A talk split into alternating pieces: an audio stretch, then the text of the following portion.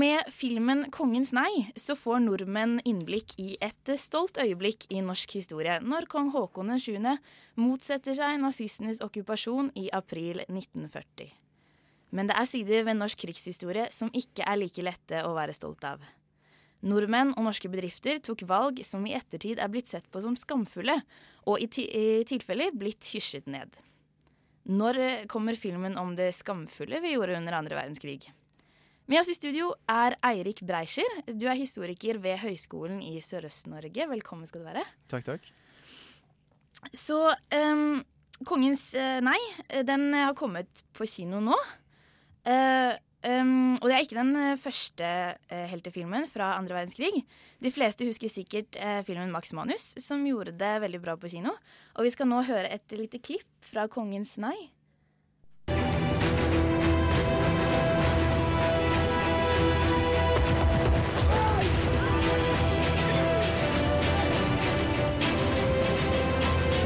Er timer siden de skjøt våre soldater i et forsøk på å komme seg til oss. Til Hans Majestet Kongen. Vi må få slutt på dette marerittet.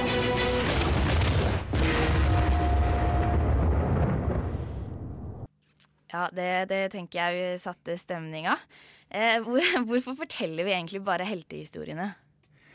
Eh, jeg, tror er, eh, jeg tror det er veldig enkelt, for, særlig for filmskapere, å gripe til, eh, til den type fortellinger som f.eks. Max Manus. da, som, eh, altså Jeg har ikke sett 'Kongens nei', så det er vanskelig å uttale meg om den. Men, men Max Manus og de historiene som han, Gunnar Sønsteby, Greger Skram, altså Linge-gjengen representerer, unge menn i 20-årene eh, som uten noen veldig store forpliktelser kan kaste seg inn i kampen mot nazismen. Eh, men de utgjør jo også en veldig liten del av den norske erfaringen om krigen. Ja, for, Altså, mm. ja, for hvilke andre erfaringer som kanskje har blitt hysjet ned tidligere, er det vi burde vite om, egentlig?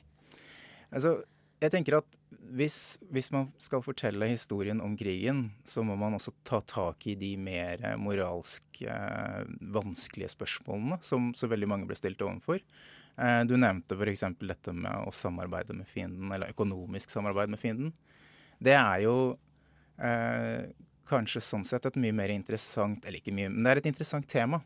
På hvor går grensen for det som er økonomisk samarbeid, og hvor, hvor starter det som er nødvendig for et samfunn skal fungere, uavhengig av hvem som faktisk sitter med makten og hva man mener om dem. Så må fortsatt folk ha mat, eh, veier må fungere, altså hele statsadministrasjonen må fungere. Men når bikker det over i kollaborasjon? Ja. Kan du gi noen eksempler på økonomiske samarbeid som ble inngått? Um, altså, det er jo vært skrevet ganske mye om uh, den byggeaktiviteten som tyskerne satte i gang under krigen. Um, uh, og selvfølgelig, noe av det var jo nødvendig. Um, jeg har ikke jobbet så veldig mye direkte med sånne konkrete eksempler, men, men vi vet jo at eh, at forsvarsinstallasjoner sånn ble bygget på tyskernes eh, premisser, og det var jo de som finansierte det til en veldig stor grad. Og det skapte stor penge, altså eh, høye lønninger. De betalte godt for den jobben. Og, og, og det synes jo jeg, sant, det bringer jo fram et interessant spørsmål, da. Hvor altså, det blir opp til den enkelte da å ta det moralske valget. Eh, skal jeg ta jobb slik at jeg kan få penger, få lønn, få mat til familien min? Eller skal jeg være uh, prinsippfast og uh, kjempe, bekjempe fienden og si nei, velge meg en annen vei? Noe som kanskje kan stille meg selv en, eh, og familien min og mine venner i en vanskeligere situasjon. Eh, det er jo interessante uh, spørsmål å ta tak i. Eh, jeg har blitt fortalt at uh, under uh, mobiliseringen av hæren i 1940, da, da tyskerne kom til Norge, så var det bare halve hæren som møtte opp. altså ca. 50 000 av 105 000 eh, mann.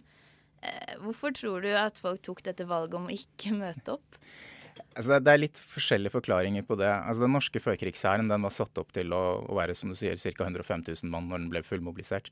Nå vet vi jo det at, at eh, det er en del spørsmål rundt om det ble mobilisert osv. Uh, og, og vi vet også at tyskerne, tyskernes angrep kom så overraskende på landet at en del eh, forlegninger og områder var allerede tatt. Så, så en del kunne ikke stille opp.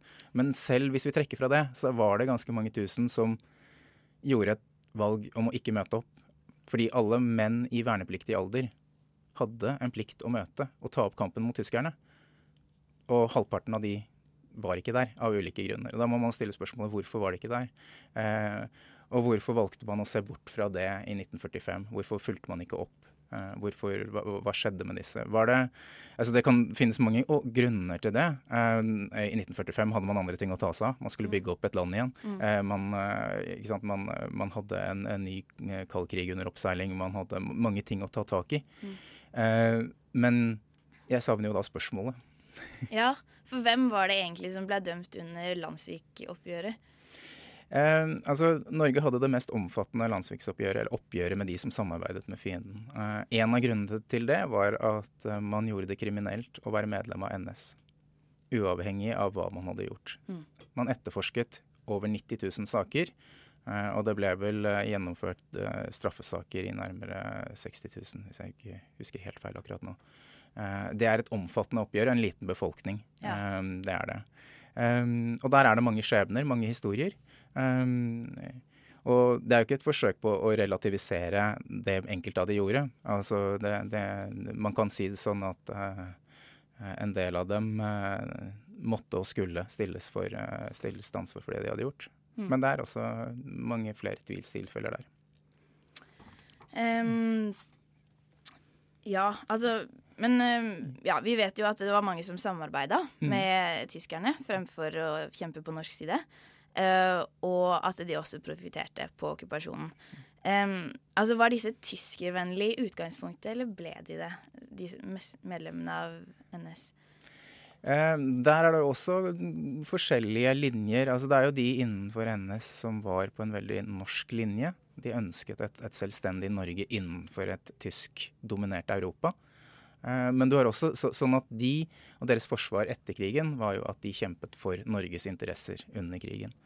Eh, så har du de på den andre siden eh, som, som var mye mer innstilt på å samarbeide med tyskerne og så for seg selv som Altså man hadde et, et rasefellesskap med, med tyskerne. Mm. mm. Sånn at også innad i NS var det splittelser og, og intriger og, kamp, og maktkamper. Det var det. Mm. Um, helt til slutt, mm. tror du vi noensinne får vite om uh, alle sidene ved altså Norges oppførsel under andre verdenskrig? Eller tror du det er noe som kommer til å forbli uh, usnakket om? Jeg tror interessen for andre verdenskrig er så stor i det norske samfunnet i dag at uh, Og jeg må si det overrasker meg faktisk at perioden fortsatt er så interessant. Uh, og når du ser på antall publikasjoner, antall bøker, forskere som jobber med andre verdenskrigs-tema, så, så, tror jeg, vi, så tror jeg mye, det er mye som gjenstår, og som kommer til å komme fram og kommer til å bli debattert og diskutert uh, i mange, mange år fremover. Mm. Ja, nå inviterer jo til og med kongefamilien til utekino i, på, i sin bakgård. Skal vise den nye krigsfilmen 'Kongens nei'. Um, det, ja. Da, det ser vi fram til. Uh, og takk skal du ha, uh, historiker Eirik Breischer, for at du kom i studio.